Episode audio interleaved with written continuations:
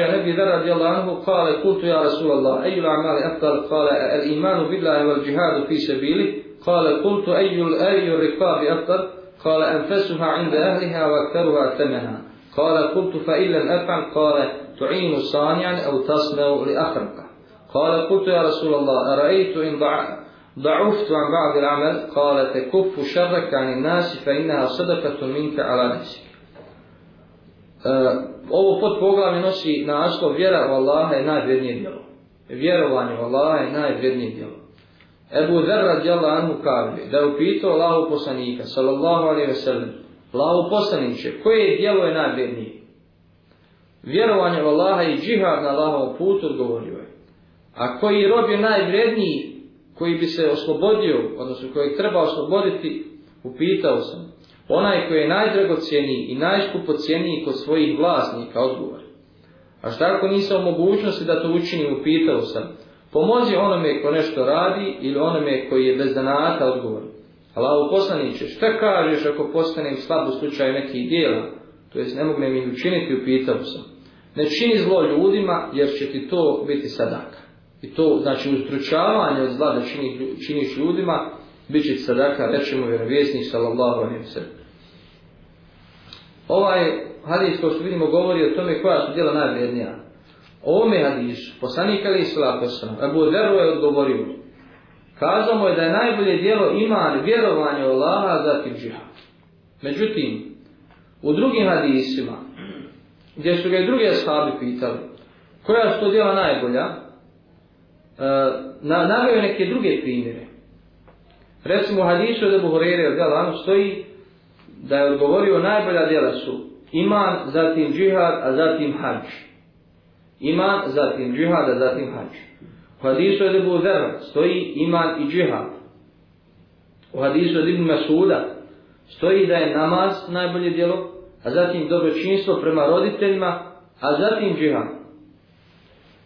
U hadisu od Abdullah ibn Amra stoji koji je islam najbolji, mada su to sinonimi u ovom slučaju iman islam, pa je rekao da nahraniš gladu i da nazivaš selam onome koga znaš i onome koga ne znaš. Či znači, vidimo da je poslanik alaih salatu wasalam u različitim situacijama dao različite odgovore. Kako pomiriti, odnosno razumijeti ove hadise?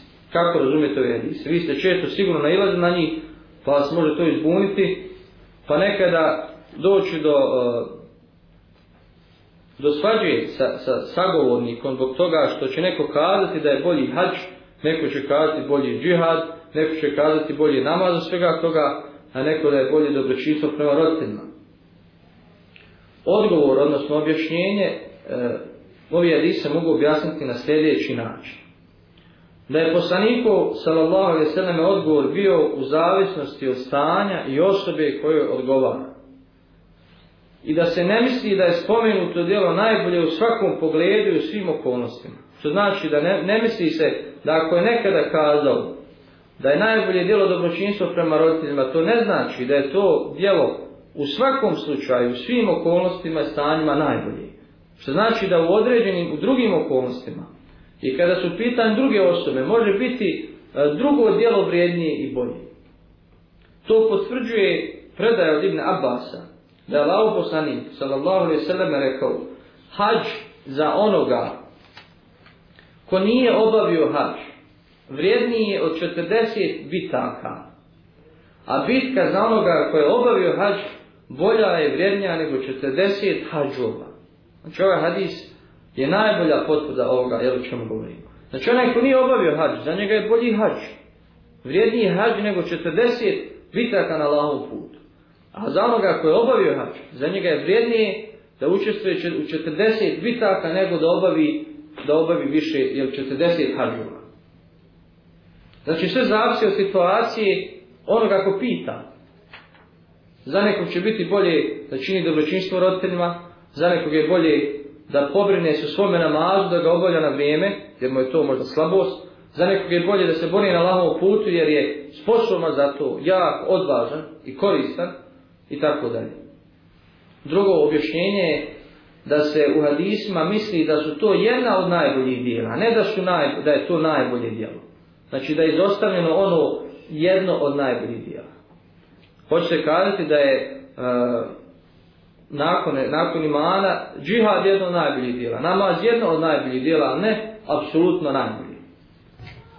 Spominje Al-Qadi ibn Iyad, uh, kaže, spominje da je džihad prije hađa zbog toga što je to bio početak islama u ovom hadisu.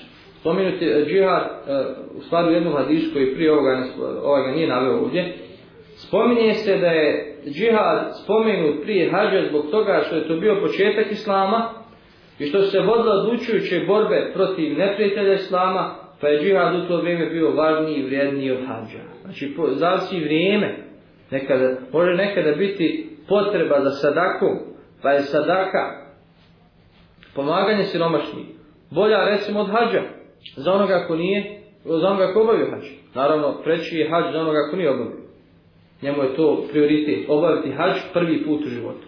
Ali ako obavio hađ i hoće da ide na umru, recimo, međutim, ukaže se prilika da taj novac svoj potroši na nekom mjestu gdje je puno korisnije i vrijednije. Neka porodca jednostavno na rubu, e, propasti, zbog siromaštva i tako dalje, se vapnimo da ta novac uloži u sadam, da dane sadam. Kao što je to radio Abdullah ibn Barak, kaže, spremao se nišao 70 puta na Abdullah ibn Barak, poznati, jeli, učenjaki Tabin, e, kaže, e, jedne godine je ti odredi nahač sakupio novac i onda vidio je se ovaj e, jednu grupu siromaha i podijelio je njima taj novac. Odustao od hađa. Znači ovo je dobar primjer kako su e, prvi muslimani javno razumijevali ove stvari. Odustao je od hađa i podijelio njima novac. A u nekim predama se spominje da je poslao neki na hađe, pa kad se vratili, počeli su, dolaze su njemu i njega se lamili čestitali mu. Pa pitao je šta, šta mu čestite, kaže čestituje mu hađ. Što? Kaže pa bio sa nama na refatu.